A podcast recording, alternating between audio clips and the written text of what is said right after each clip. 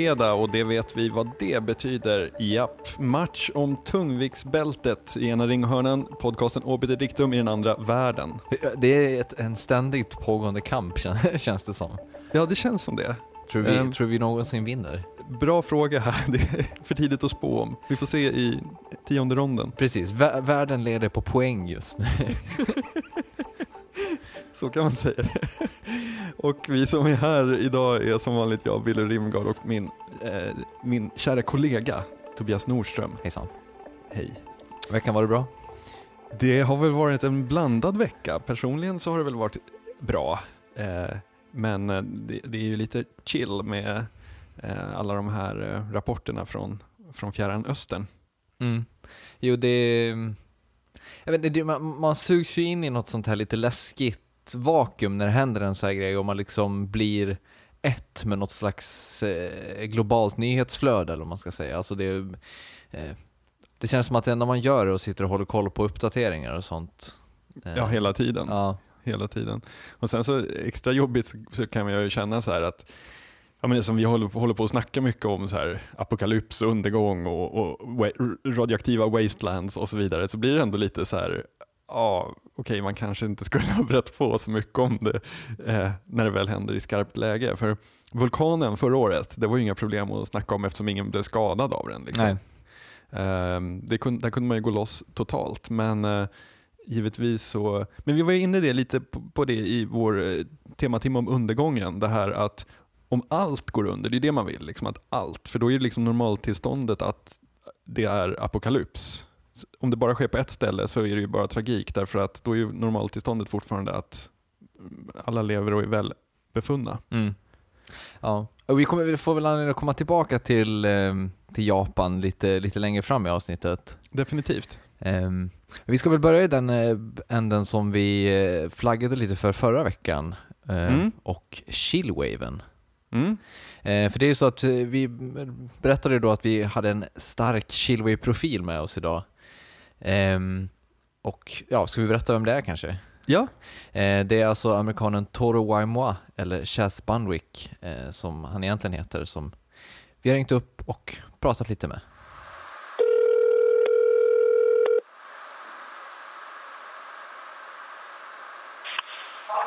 Hello? Hello, is this Chaz? Hello, hi. Chaswick Bundick, eller Toro Waimoa, som han kanske är mer känd som, föddes 1986 i Columbia, South Carolina. Han megabreakade 2010 när han och hans album Causers of This blev en del av den så kallade chillwave-scenen tillsammans med band som Washed Out och Neon Indian. Vi har ringt upp Chas för att prata om hans syn på chillwave-begreppet, men när jag först frågar om hans musik så verkar den snarare handla om ett utforskande av pop än det solblekta sound som utverkar chillwaven. I guess what I've sort of I don't mind doing with Tori Moi is just jumping around from genre to genre. Um, really, just to sort of explore all the things I can within, um, you know, the area of pop music. Uh, I think that I, I, I tend to like to make a lot of accessible sounding songs. So I, I don't know. I, I just like to try to get all of those in one moniker, I guess.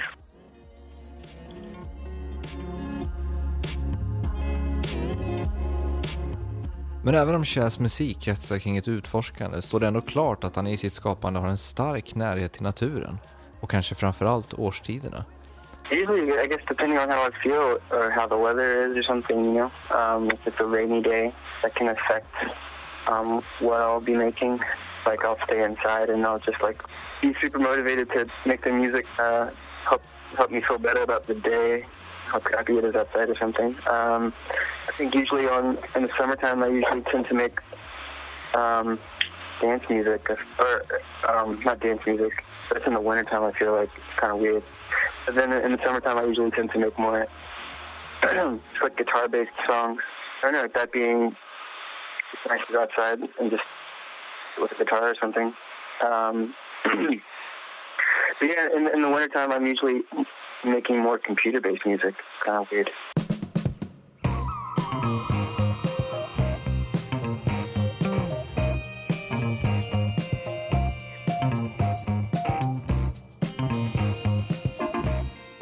På sitt nya album Underneath the Pine har Toro Waimoa gått från den starkt laptopbetonade musiken på Causers of This. Han har breddat sitt sound och arbetat allt mer med instrument och influenser från 70-talet. The way the way I started recording was with traditional instruments and using microphones and stuff. So that's always been part of my sort of practice. I think um, it was just sort of a matter of time when an album like that would come out. Um, I've always wanted to do one like that. It was just I decided to put out an electronic album first, which um, can sort of seem confusing sometimes. Um, I felt like if I put out a traditional record and then went electronic, um, I feel like that would be a more expected progression. I got into a lot of um, just kind of like R&B and hip hop when I was making causes. So when it came to making Underneath the Pine, I wanted to find um, certain genre sounds that would sort of uh, complement that album, and yet they would still fit on the theme that I was going for for the Pine, which is more 70s, not as um, contemporary, I guess. Just Chilway har som genre kritiserats för att vara både begränsande och reducerande. Det har även ifrågasatts om det verkligen är en regelrätt genre. Chas Bundwick har dock inga problem att förknippas med begreppet utan ser det snarare som en ära. I'm actually really flattered. I'm not offended or anything by that.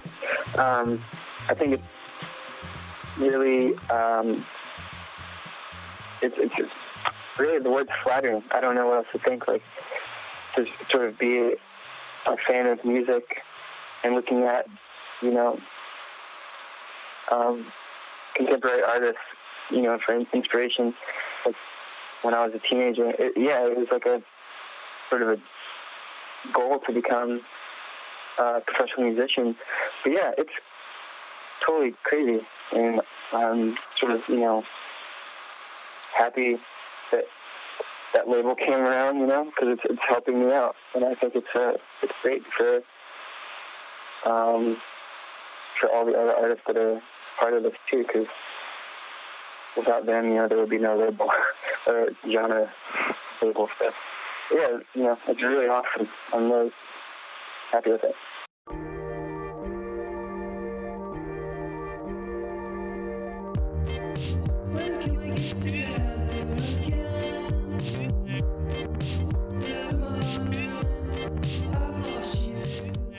Även om Chillwaven tycks haft sin storhetstid under 2010 så verkar uttrycket seglivat. En mängd nya artister förvaltar musiken och Toro Moiwa menar att genren definitivt har skapat sitt eget utrymme. Uh, I think it's, t- it's t- definitely taken its own life. Um, people and other artists have found, you know, the biggest similarities between all of these bands, and they've sort of um, funneled it down into this one sound. Um, if anything, I feel like more artists are sounding like uh, Washed Out and Neon Indian.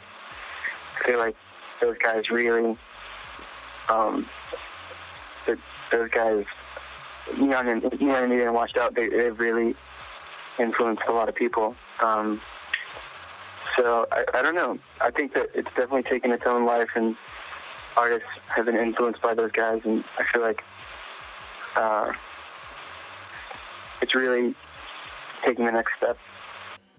Musiksajten Pitchfork menar nyligen i en recension av bandet Million Young att Chillwaven är uttömd, att genrens tid är förbi.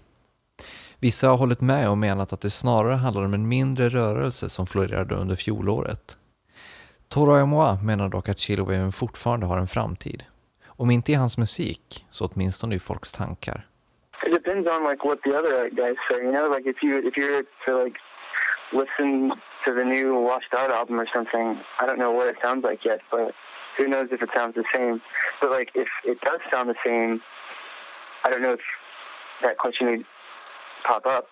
Um, I don't know. It's hard to say. If I feel, I feel like if everyone was sort of doing it, it would seem like that, but I can't say yet. So for me, I'm I'm always trying to evolve as an artist and keep changing my sound.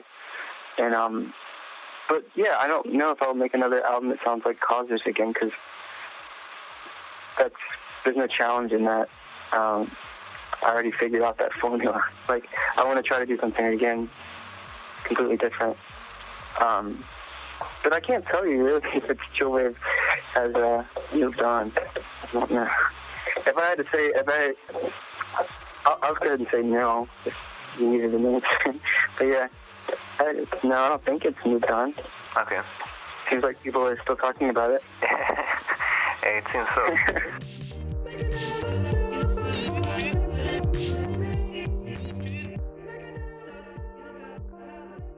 Det var alltså jag som hade pratat lite grann med Toro Waimwa. Ehm, och som han säger, chillwaven är ju fortfarande någonting vi pratar om, eller hur? Ja, det, det är ju det. Eh, Det har ju varit en sån där liten nischgenre som, som de har ju frodats de senaste tio åren får man väl säga. De Mm. här sub-sub-genre-grejerna. Och eh, det, det är lätt att dödförklara dem, men det är väldigt svårt att inte prata om dem känner jag. Ja, eh, men alltså kan de ens dö- dödförklaras på riktigt? Eller förstår du vad jag menar? Det, Ja, nej precis, det är det jag menar. Att det är så lätt att säga så här. Drum and bassen är död. Ja, jo, men kolla på drum and bass-scenen i London, liksom, hur stort som helst Ja. fortfarande. Trots att den är död i liksom allas eh, ögon. Om någon frågar mig om hur relevant drum and bass är så säger jag inte så. Jo men Pitchfork har ju varit inne där på att, eller de formulerar det som att, att chillwaven har run its course, alltså att det på något sätt är att den är klar eller uttömd eller har liksom förbrukats på något sätt. Mm. Ehm, men alltså tror, tror du att ett, ett uttryck eller en genre kan bli, kan run its course? Jag, jag, eh, eh, huruvida det är sanning med chillwave kan vi väl lägga åt sidan en sekund, men jag tror absolut att eh, en genre eller en, en, en sån inriktning kan, kan bli klar. Eh, jag tänker exempelvis på den här eh, Eh, alltså, sommar 99 så var ju alla extremt inne på den här two-step garage-grejen liksom och det blev fantastiska klubbar kring det och sånt. Och, och det, det var liksom ett halvår av fantastiskt bra saker och sen var man ganska klar med det. Eh, Men ett mer modernt exempel tycker jag är den här upphackade Kitsune-grejen som var så populär 2006, 2007, 2008 med Justice som eh, den stora kronan på verket. Det, om, vi ska, om vi kan koncentrera oss på den genren exempelvis så skulle jag säga att den är väldigt klar för där vill, vill jag inte höra mer från. Och Kitsune själva har ju gått vidare till någonting annat. Så att jag tror absolut att man kan tömma ut och vara klar med en genre. Däremot så tror jag inte det med, med alltså det vi kallar för chillwave eftersom det är en så lös, alltså det är ju en nästan lika lös definierad genre som så här rock. Men är det verkligen det? Alltså jag vet inte om jag, om jag håller med riktigt, för då kan man ju så slänga in eh, slänga in lite vad som helst under namnet på något sätt. Och det, det tycker jag verkligen inte att man gör eller att man kan göra. Nej. Ehm, vi hade ju med det på, i den, på den här spellistan eh, som, vi, som, vi, som vi gjorde i ordning då som någon slags introduktion så var ju bland annat då svenska Thieves Like Us med, eh, med låten Never Known Love. Mm. Eh, och min flickvän sa faktiskt direkt eh, när hon hade kollat igenom listan att det där är inte chillwave. Ja, det, det, det är hårda gränsdragningar i genreland. ja. Ja. definitivt. Och det, på något sätt känns det som att det är det som lite är eh, blir någon slags nyckel i de här, de här eh, subgenrerna eller de här liksom små nischade eh, benämningarna. Att, att det liksom blir väldigt, väldigt specifikt nästan. Eller förstår du vad jag menar? Eh, Ja, eller att det snarare är precis som hon sorterar bort en låt, så är det lättare att sortera bort låtar än att sortera in låtar i en genre kan jag känna. Mm. Alltså just de här små hippa nischgenrerna i alla fall. Det är Mm. väldigt svårt att säga vad som är dubstep. Alltså James Blake och så vidare, liksom, eh, är han dubstep? Däremot kan man säga vad som inte är dubstep ganska fort. Förstår du vad jag menar? Ja, jag förstår, precis. Ehm, jo, det, det, är väl, det, är väl, det, det är väl inget... Det, jag såg förresten att nu har ju, eller James Blake har ju fått sin egen genre i princip, eller ja, Mhm. sin egen genre, men crooner step heter, det, heter det nu. Ja, Eh, så att alltså det är väl också på något sätt, jag hoppas han blir ensam i sin genre. det, det, det är vackert på något sätt. Vad frågan är, kan man vara ensam i sin genre? ja, Är det en, ge- är det en genre då? det är en väldigt bra fråga faktiskt. Kan man vara ensam i en genre? Jag, jag tror att man kan vara det. Ja. Jag kommer inte på något bra, alltså alla genrer, eh, liksom, alla de här, vad ska man säga, alltså, själva begreppet genre tycker jag är ganska vidrigt på ett sätt. För att det är lite så här som man sorterar in i, i en skivbutik, liksom klassiskt, rock, pop. Alltså, det, det blir jävligt osmakligt på något vis. Um, om vi så här, säger etikett på en tag. ja. ehm, Fast tag, ja, ja jo, jag förstår vad du menar, men Ja. tag kan ju vara, det är ju sjukt godtyckligt. Jo, sant. Vi kallar det genre för det, det, det känns som en annan, ett annat program. Ehm, jag tror att nästan alla genrer börjar ju med en eller ett par artister som gör ett par banbrytande verk. Eh, och som är, känner varandra och som skapar sin lilla scen och som har sitt lilla sound och som sen en väldigt stor skara försöker apa efter. Ja, men, eh, ja, jo, apa efter eller... Okej, apa efter, inspireras av då. Ja, precis. Det- det- det mycket... Nu märker vi ord här Nej, i det, känns, det, känns som att det, det, är det känns som att det blir viktigt på något sätt för att eh, för att på något sätt, det är väl där, alltså på något, där någonstans så börjar väl jag känna att, att en genre liksom inte kan dö eftersom att den, den snar, snarare så äts den upp av så andra uttryck när man bygger vidare på det någonting en genre skapar. Mm. Ehm, jag inte, jag har, jag har liksom, det finns ju otaliga exempel, men, men dubstepen som, som sådan föds ju liksom ur, ja, någon gång i början reggae och sån musik liksom. Mm. Eh, ja. Eh, en, en annan grej som jag tycker man kan tänka på det är ju det liksom att tidigare så behövdes ju inte, eh, eller det behövdes ju även tidigare kategoriseras. Eh, Men det gjordes inte därför att det fanns inte så himla mycket. Om man tittar på, på litteratur, på populärlitteratur, eh, hur den liksom traditionellt har delats in i liksom crime, westerns, romance och typ science fiction. Ehm, så är ju det så här extremt breda, dåliga, eh, oanvändbara kategorier egentligen. De Mm. säger egentligen ingenting. Ehm, men i, takt, i takt med att liksom utgivning av såväl böcker som film som, eh, som musik har liksom ökat så otroligt mycket så tror jag att behovet av inte bara att eh, sortera utan också att kontextualisera. Hur ska vi förstå Toro Waimoa? Hur, var ska vi placera honom i en värld med en miljard andra artister som släpper låtar den här månaden? Mm. Jo, vi gör det genom att klumpa ihop honom tillsammans med de här som låter ungefär liknande men egentligen inte har någonting gemensamt. Och så kallar vi det för chillwave därför att då kan vi relatera till chillwave-klustret eh, gentemot ja, någon annan sån genre. Men är du negativt eller, negativt eller positivt inställd till att, man, till att det blir så? Jag är positiv, Ja, jag också. absolut. För, för jag tror samtidigt att det liksom är någon slags eh, demokratisering av hela den här definitionsprocessen på något sätt. Alltså, eh, det känns som att den, den traditionella uppdelningen som du nämnde först med skivbutiken som har klassiskt poprock, hiphop kanske, eller för, eh, att Eh, att den känns väldigt så anpassad för att ett skivbolag ska kunna ge ut, ja men nu släpper vi en ny hiphop-skiva eller nu släpper vi de här klassiska samlingarna. Medan Mm. när, när vi har den här myllan på nätet så blir det snarare upp till eh, massa småbloggar eller eh, ja, enskilda individer i princip att, så här, att, att hitta de här eh, att hitta de här gemensamma nämnarna och, och liksom ge dem ett namn och sätta dem i någon slags eget system. Mm. Så att, och det, och det, det tycker jag känns väldigt, väldigt positivt för att ja, men de får väldigt så här, roliga namn, vilket, jag, vilket jag tycker är väldigt bra på något sätt.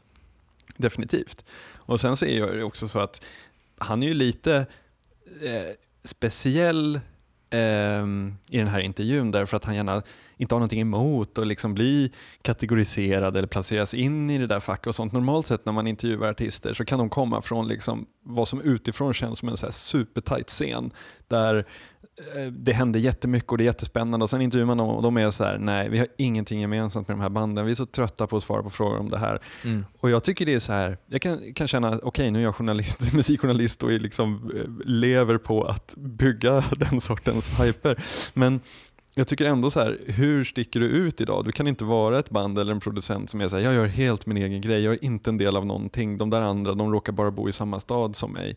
Alltså varför inte omfamna det och, och rida med det? Visst, det, är inte liksom, det kanske inte är vägen till beständighet och, och en utgivning som håller i liksom 30 år. Då kanske man behöver stå lite mer själv. Men jag, eh, jag ty- tycker han gör klokt i att inte så här rygga tillbaka för det, utan att så här, ah, jag försökte utforska pop och det blev så här och Mm. jag har ingenting emot det. Liksom.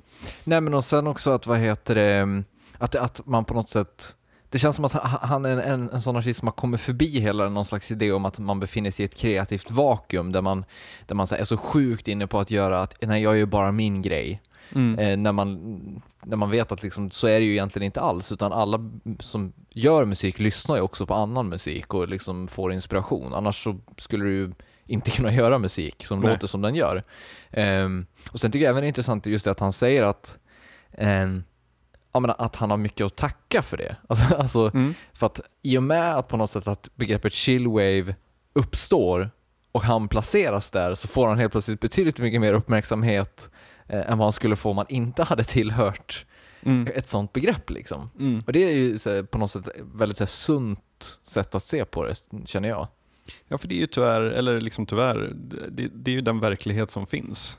Och visst, det kanske kan kännas förminskande för någon oavsett vad man pysslar med. Så här. Man kanske själv tycker att nu har jag skrivit den mest spännande boken i världshistorien, så säger alla här, ah, han är del av den svenska deckarundret. Eh, Men alltså, ja, du, du gör din grej i den miljön och du kommer att sorteras in i ett sånt fack, vare sig du vill eller inte. Så omfamna det, säger jag. Mm. Men vad heter det? Alltså det, vi har ju sett en uppsjö av, av just sådana här genrenamn eh, de senaste eh, åren och de, har väl tagit sig mer och mer ekivoka uttryck känns, känns det ju, ju närmare nutid vi kommer. Vi har Mm. Hexhausen i fjol också. Eh, vi har, bra namn för övrigt. Ja, sjukt bra namn. Nu har vi Grey Wave som kommer, eh, kommer senaste tiden och även då Nightbus, som, Nightbus Music som har kommit den här typ För, förklara princip- Grey Wave och Nightbus. Alltså Grey Wave är väl någon slags, den bygger vidare på, det, på liksom själva eh, Witch House-estetiken, men tar den mer i någon slags, vad ska vi säga, eh, lite såhär new wave-anda, eller någon slags, lite, såhär, lite mer såhär fastare takter och eh, lite såhär postpunks-influenser nästan. Mm. Eh, det är, som du sa här, det är lättare att säga vilka som inte är Grey Wave, vilka som är Grey Wave. Speciellt som att det är ett ganska nytt begrepp liksom. Men, men, men det, det bygger liksom vidare på hela den idén. Känns det är Nightbus är som det låter, eller? Ja. på ett sätt känner jag såhär, Nightbus, vad fan det är ju den musiken jag har lyssnat på hela mitt vuxna liv. Ja, eller hur? Allt ifrån så här Vangelis soundtracks till, eh, jag vet inte. Ja, all- allt, Kent, allt jävla, Precis. Eller vadå, Mokira är väl liksom den ultimata Nightbus Ja. music-grejen liksom. Ja, litet- Max Richter. Ja. Eh, ja. Men men det är ju som den extremt eh, vida genren eh, låtar man kan skrika tack för oss, godnatt till. Mm. De är alltid bra låtar. Jo, det, det, det, det, det, i någon slags eh, rockkanon så är det väl så. Ja. Men jag tänkte bara på det att så här, just det här att eh, Grey Wave och, och de här små nischerna som dyker upp. Jag tänker mig att så här, okej, det här, den här låten kan vi inte sortera in i fack A och vi kan inte heller sortera in den i fack B. Ja men okej, då är det ju fack C och det har inte uppfunnits ännu så därför sätter vi ett namn på Det är den. fuck X. Ja. den magiska musiken i fack X. Ja. Det, det är ju en, det är ju en ny musik, då är det en musikgenre direkt där. Ja. Label X. Upp, uppstår på skumma nattklubbar i Berlin eller någonting sånt där. Vi kanske skulle försöka sätta ihop en eh, Spotify-playlist med Fuck X. Den är svår. Ja, men jag tycker samtidigt att, eh, om vi, för att eh, runda av diskussionen eh, lite grann, så kan vi väl säga, eh, så kan väl jag säga att alltså jag, jag, jag gillar den här idén om att ha genrenamn som på något sätt illustrerar vad det handlar om. Um, jag tänker liksom på att så här, chillwave har ju liksom måste ha ett mått av chill i sig, eller förstår jag menar? Det måste Ja. finnas något lite så här tillbakalutat eh, i musiken som gör att den liksom inte riktigt passar att ligga och slumra till, för det är lite för mycket energi för det, men det är samtidigt inte tillräckligt mycket energi för att pumpa på dansgolvet liksom. Nej. Och- eller som Witch House då, som, som måste besitta sitt mörker, annars, annars så är det liksom inte Witch House. För menar, det, det är ju på något sätt betydligt mycket mer specifikt än om man typ nämner ett, ett genre som postrock, Ja. som, som ju liksom egentligen inte säger någonting. Nej, det handlar väl mer om en metod, att man använder rocksättning för att spela någonting annat än rock. Ja. Men det säger ju ingenting om liksom hur den rocken låter på något vis. Ja, eh, hoppet mellan chillwave och eh, jordbävningarna i Japan är ju ganska stort, men eh, alltså det är ändå, det är ändå stort det som har hänt. Lika stort som hoppet mellan ämnena, så att det känns som att det måste vi ändå prata om. Ja, vi måste, måste, måste nämna några ord om det tycker jag. Eh, som vi pratade om inledningsvis så har vi väl båda följt, följt det intensivt, händelseförloppet där i, på andra sidan jorden. Ja, jag hittade ju en, eh, en, en, en Ustream-kanal där det är eh, Yokoso News heter de. Eh, normalt sett så är de amatör webb-tv-kanal som gör om japanska lifestyle och culture entertainment. Men i och med att det här hände så kickar de in i någon slags krismode där de sänder typ 14 timmar om dagen och sitter och översätter eh, massa japanska nyheter, japanska ny- eh, presskonferenser, de har folk på stream, de ringer upp eh, kompisar och så vidare. Fantastiskt jobb för att eh, i och med att japanska medier inte är så här det känns som att det finns ett ganska stort glapp mellan vad som rapporteras i Japan och vad som kommer ut i de internationella nyhetsbyråerna. Hur tänker du då? Eh, ja, men det, det, det kommer ganska sent. Det är, eh, alltså det är så oklart mycket.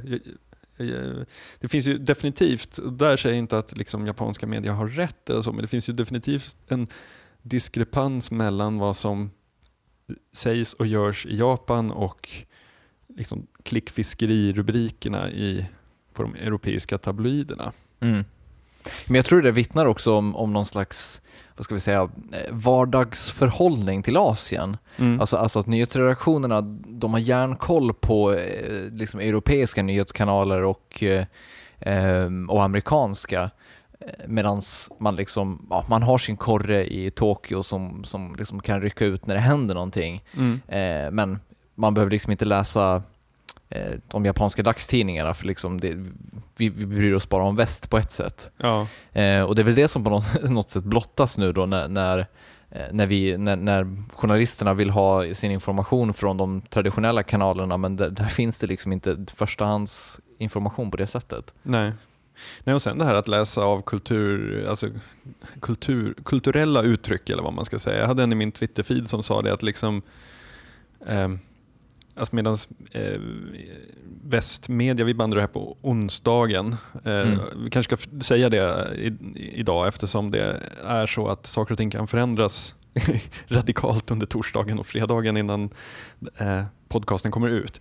Men ehm, vad var jag? Jo, jag var på... ditt Twitterflöde. Precis.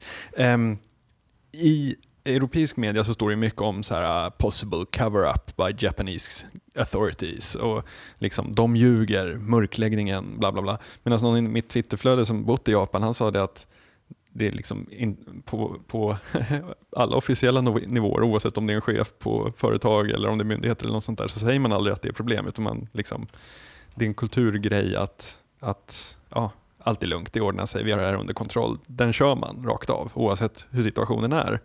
Ehm, Mm. nu, nu säger inte jag att det är så, för jag, jag kan inte Japan, men eh, enligt den personen, eh, han upplevde det så.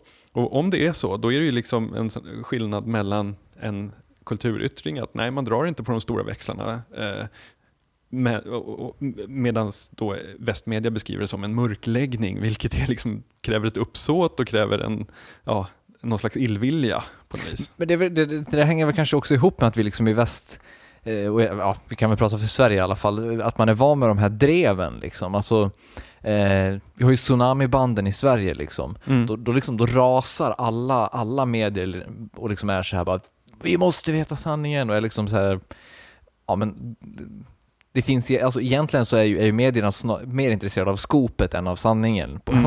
om man ska vara ärlig liksom. Definitivt. Ehm, och det, jag vet inte, det kanske inte är samma, alls samma kultur i, i Japan liksom. Eh, men, på- men på tal om kulturella skillnader så eh, twittrade ju även Kent Ekeroth från Sverigedemokraterna om det. Mm. Eh, han skrev ju då att eh, naturkatastrof i New Orleans och Ha- Haiti ledde till plundring och våld. I Japan går allt lugnt och städat till. Gissa varför? Smiley. Ja. Alltså det, jag, jag vet inte, jag blev så riktigt sjukt provocerad. Ja, alltså, det är alltså- på, något, sätt- på ett sätt ska man väl kanske inte bry sig om Sverigedemokraterna, men vad fan, det, man kan ju inte göra annat när de faktiskt sitter i riksdagen. För det, det där är väl liksom gräns, gränsar väl till det mest idiotiska en svensk politiker har sagt sen Ian Wachtmeister förde två fingrar mot varandra och sa det här går inte. Alltså det är, det är ju, jag vet inte. Ja, på en skala mellan 0 och 40 000 miljarder så är, är det uttalandet ganska... Nej men absolut. Alltså, och där, där kan jag ju säga så här, och det gäller ju inte bara Sverigedemokrater utan det gäller samtliga tycker jag. Det är de här som försöker samla poänger. Alltså, vi har sett flera gånger när det har varit olika former av eh, katastrofer och saker som har inträffat, att folk medan det fortfarande brinner, bildligt eller bokstavligt, ska börja samla poänger. Politiska po- poänger eh, som är kanske inrikespolitiska poänger. Mm. Jag, menar, jag tycker inte det här är rätt läge att diskutera liksom för eller emot kärnkraft på ett så här 20-års perspektiv. Och att jag tycker det är så dumt att men just de här som studsar upp och, och, och ska dra nytta av situationen. Det är, ja, jag, tycker det är, jag tycker det är riktigt smaklöst. Mm. Jag såg en, en, en, bild eh, som samlade massa olika Facebook-statusar eh, som massa amerikaner hade postat. Eh, det var väl kanske en 50 stycken eller någonting och alla hade gemensamt att de menade att det här var payback för Pearl Harbor. Mm. Alltså, mer eller mindre att ain't karma a bitch. Känns fräscht. Ja, alltså, på, det känns också väldigt roligt med, med tanke på att de verkar liksom helt ha förträngt Hiroshima och Nagasaki som väl... ehm, Ja, den paybacken var ju en bitch. ja, Liksom. precis. Ja. Eh, så att, jag vet inte, det, jag, vet inte, man- man- jag brukar inte tycka om att döma amerikaner, men det är alltid roligt. Det är samma sak som fo- folk på Twitter som håller på och snackar om att det är global warming, alltså växthuseffekten som ligger bakom jordbävningen. Det har ju liksom ingenting med det att göra. Däremot så läste jag en fantastisk forumtråd om att det är HARP. Ah, HARP ligger bakom. Det, är, eh, det, eh, det det styrktes genom numerologi, eh, det styrktes genom YouTube-klipp där det är någon som säger, eh, inspelat den nionde och som pratar om att eh, någonting hemskt kommer hända den 17. Och, ja, det är väldigt... eh, Ja, Ja, alltså, men, men man brukar väl kunna se sånt här, eh, alltså, kanske blandar ihop saker, men det är väl geologer och seismologer som studerar sånt här. Eh, och brukar man inte kunna så här, någorlunda förutspå när sådana här skalv och sånt ska äga rum, eller? alltså det här är väl någonting man har gått och väntat på i Japan väldigt länge. Ja, det är det va? Jag kommer ihåg att jag hade i samband med att eh, den stora jordbävningen slog till mot San Francisco, när var det? Var det 84, 87? Ja, jag gjorde specialarbete om det när jag gick på mellanstadiet i alla fall. Jag var inte född då. nej, nej. Nej, det var inte 84 för då gick jag i ettan. Så att det måste ha varit 87, 88, 89, nej någonstans. Då var jag i och för sig född. Ja, men, Ja. ja. Då gjorde jag någon slags här specialarbete om det i mellanstadiet. Och då kom jag ihåg så när jag, att, att jag läste om att, att man väntar på den stora Japan. Att Mm. det var liksom, ja. Eh, och det var ju ganska intressant så direkt efteråt så såg jag ett reportage eh, på eh, BBC ehm, där korrespondenten, eller eh, han var i Tokyo då, han beskrev det just som lättnad, att många var så här, åh vad skönt, nu har det kommit. Fast då var inte omfattningen känd ännu, så att det var ju klart att de uttalade sig så då, eh, Mm. kanske. Mm. Men jag gillar också den, den eh, grejen att det var seismologiska departementet eller ja, seismologiska utskottet, eh, nå- någonting sånt som höll sig presskonferens bara någon timme efter att jordbävningen hade ägt rum och liksom redan då levererade vetenskapliga fakta eh, på vad som hade hänt. Liksom. Mm. De pratade om så exakt vilket, eh, vilken så jordplatta det var som hade rört sig och hur mycket den hade rört sig och allting sånt där. De, de, det känns ju sjukt förberett. Ja, Alltså, nu var, jag, jag twittrade om det också, just det här att eh, det man ska vara mest imponerad av är väl egentligen japansk ingenjörskonst. Jag menar hur många hundratusentals, om inte miljoner liv ehm, eh, klarade de på grund av att de har byggt för det här. Okej, sen tsunami och så vidare, eh, kärnreaktorerna, not so good, men vadå, man kan kanske inte panga in alla rätt. Ehm, nej man, man kan ju inte det. Nej, men jag, jag, var inte, jag var inte sarkastisk, jag menade allvar. Jag tror Jo men det verkligen lät så, panga in alla rätt kändes som en rolig formulering i sammanhanget. Ja, okej, okej. Men någonting som jag också tycker är intressant när en sån här sak händer i en eh, ehm, sånt tekno, teknikintresserat samhälle och ett så medierat samhälle som, som Japan är, det är det att det kom upp en eh, livestreamad Geigermätare från Tokyo eh, där man kunde se i realtid hur strålningen uppförde sig. Och det är liksom 950 mil bort och man kan följa det direkt. Väldigt fascinerande och, och svindlande förstås, men det, det roliga med det där det är ju på något vis att vi har ju ingen aning om vad utslagen får Geigermätaren innebär. Alltså Nej. om den klättrar några decimaler hit eller dit, vi vet ju inte. Och på samma sätt så ligger liksom atomenergimyndigheten, den internationella IAEA, deras pdf ligger ju, och analyser ligger ju på deras sajt. Mm.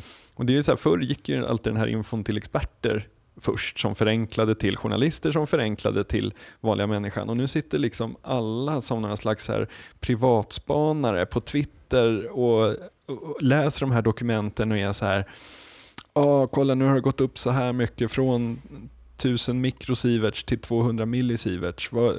Nu har det ökat jättemycket men som sagt, man vet inte vad det är. Nej. Men det är väl precis den här, privatspanargrejen som föder alla de här Flashback-människorna.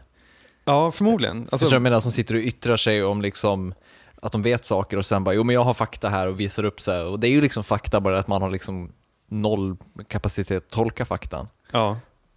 Men Det var ju som vi läste en artikel som om ehm, de hade frågat en expert om någonting.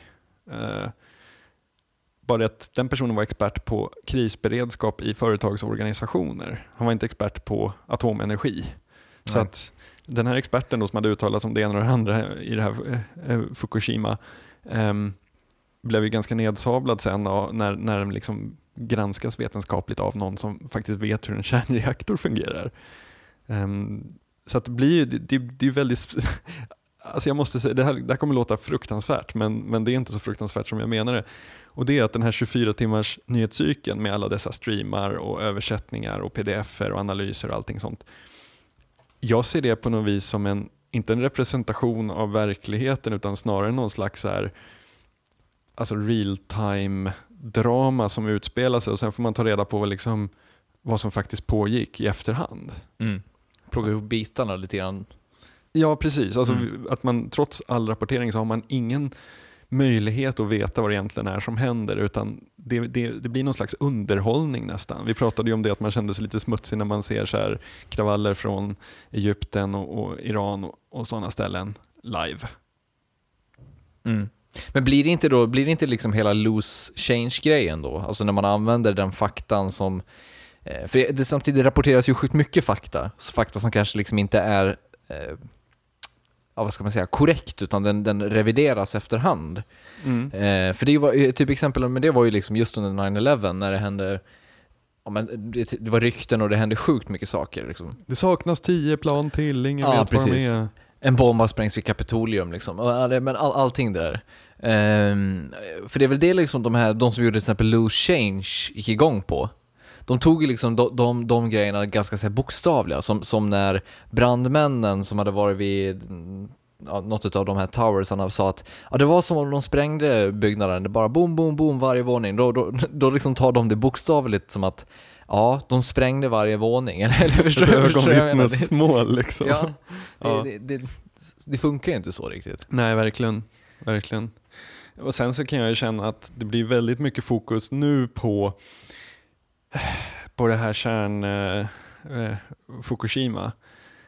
Eh, samtidigt som det är en så humanitär katastrof på gång eftersom det snöar och folk kan inte, har ingen mat och inget vatten och liksom fryser ihjäl. Och, ehm, eh, Antingen är det mikronivå där man liksom har träffat en överlevande som berättar sin historia eller så är det den här stora liksom, åh, vi har ett nytt Tjernobyl framför oss och däremellan så finns liksom ingenting för att det är inte nyhets...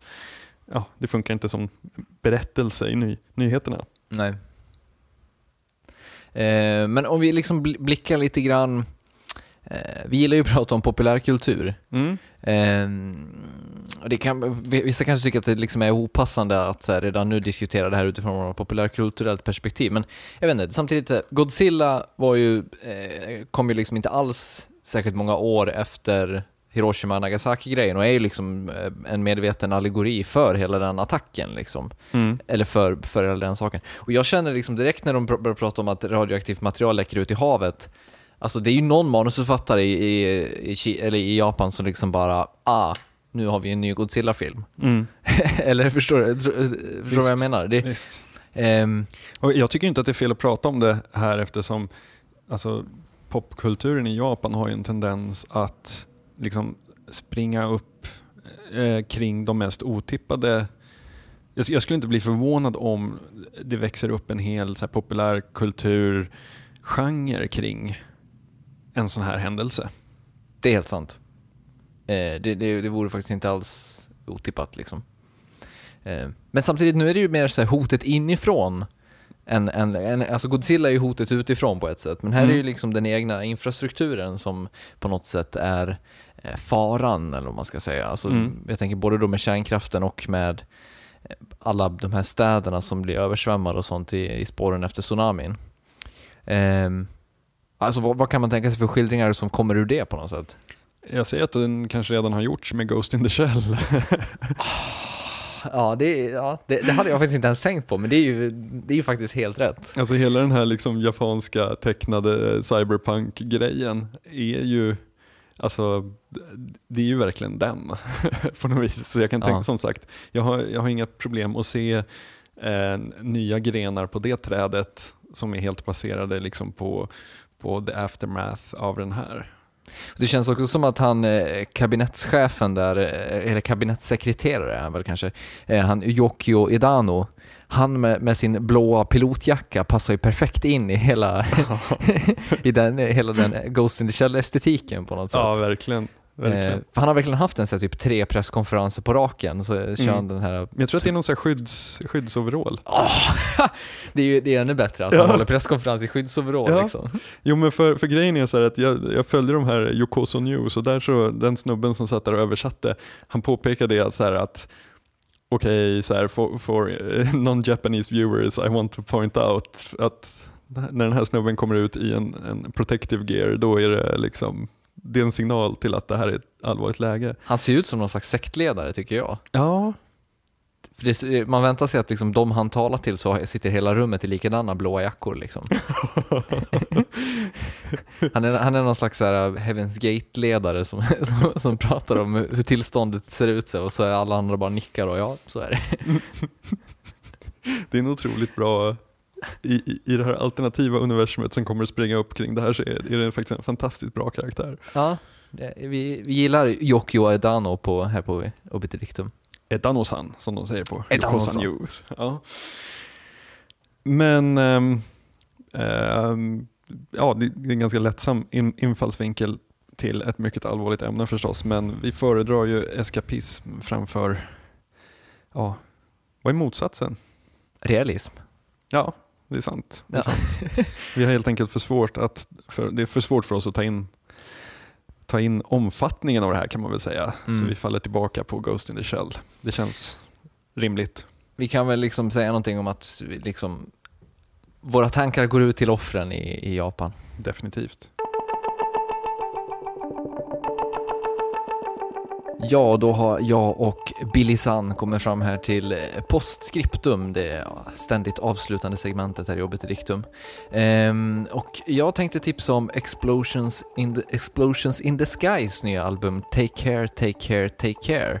Ehm, vi nämnde ju postrock där när vi pratade om Chilway och musikgenrer och Explosions in the Sky är väl det kanske ja, vad ska vi säga, mest vitala inslaget i hela den genren, om, om jag får säga det i alla fall.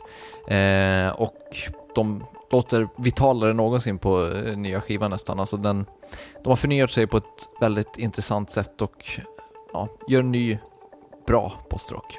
Och de som gjorde soundtracket till Friday Night Lights, långfilmen Mm, dessutom. precis. Jag tänkte tipsa om en grej som jag blev tipsad om av en Oddpod-lyssnare. Eh, det var Thomas Vreiner som mejlade och tipsade om sajten youarelisteningtolosangeles.com. Eh, det är någon som har byggt en sajt som eh, slumpar fram ambientmusik och lägger en livestream av Los Angeles-polisens komradio över. Och det är väldigt, väldigt Blade Runner. det, ja, det, det, det blir som en, en, en tripp i ångestens land. Och Får tacka så hemskt mycket för det tipset till Thomas och mejla oss gärna på kontakt oddpod.se och gå Mm. in på vår blogg på oddpod.se och kommentera. Kommentera, likea och eh, kolla alla länkar som tillhör dagens avsnitt och tidigare avsnitt. Mm, tack för Mm, oss. tack för natt. oss. God natt.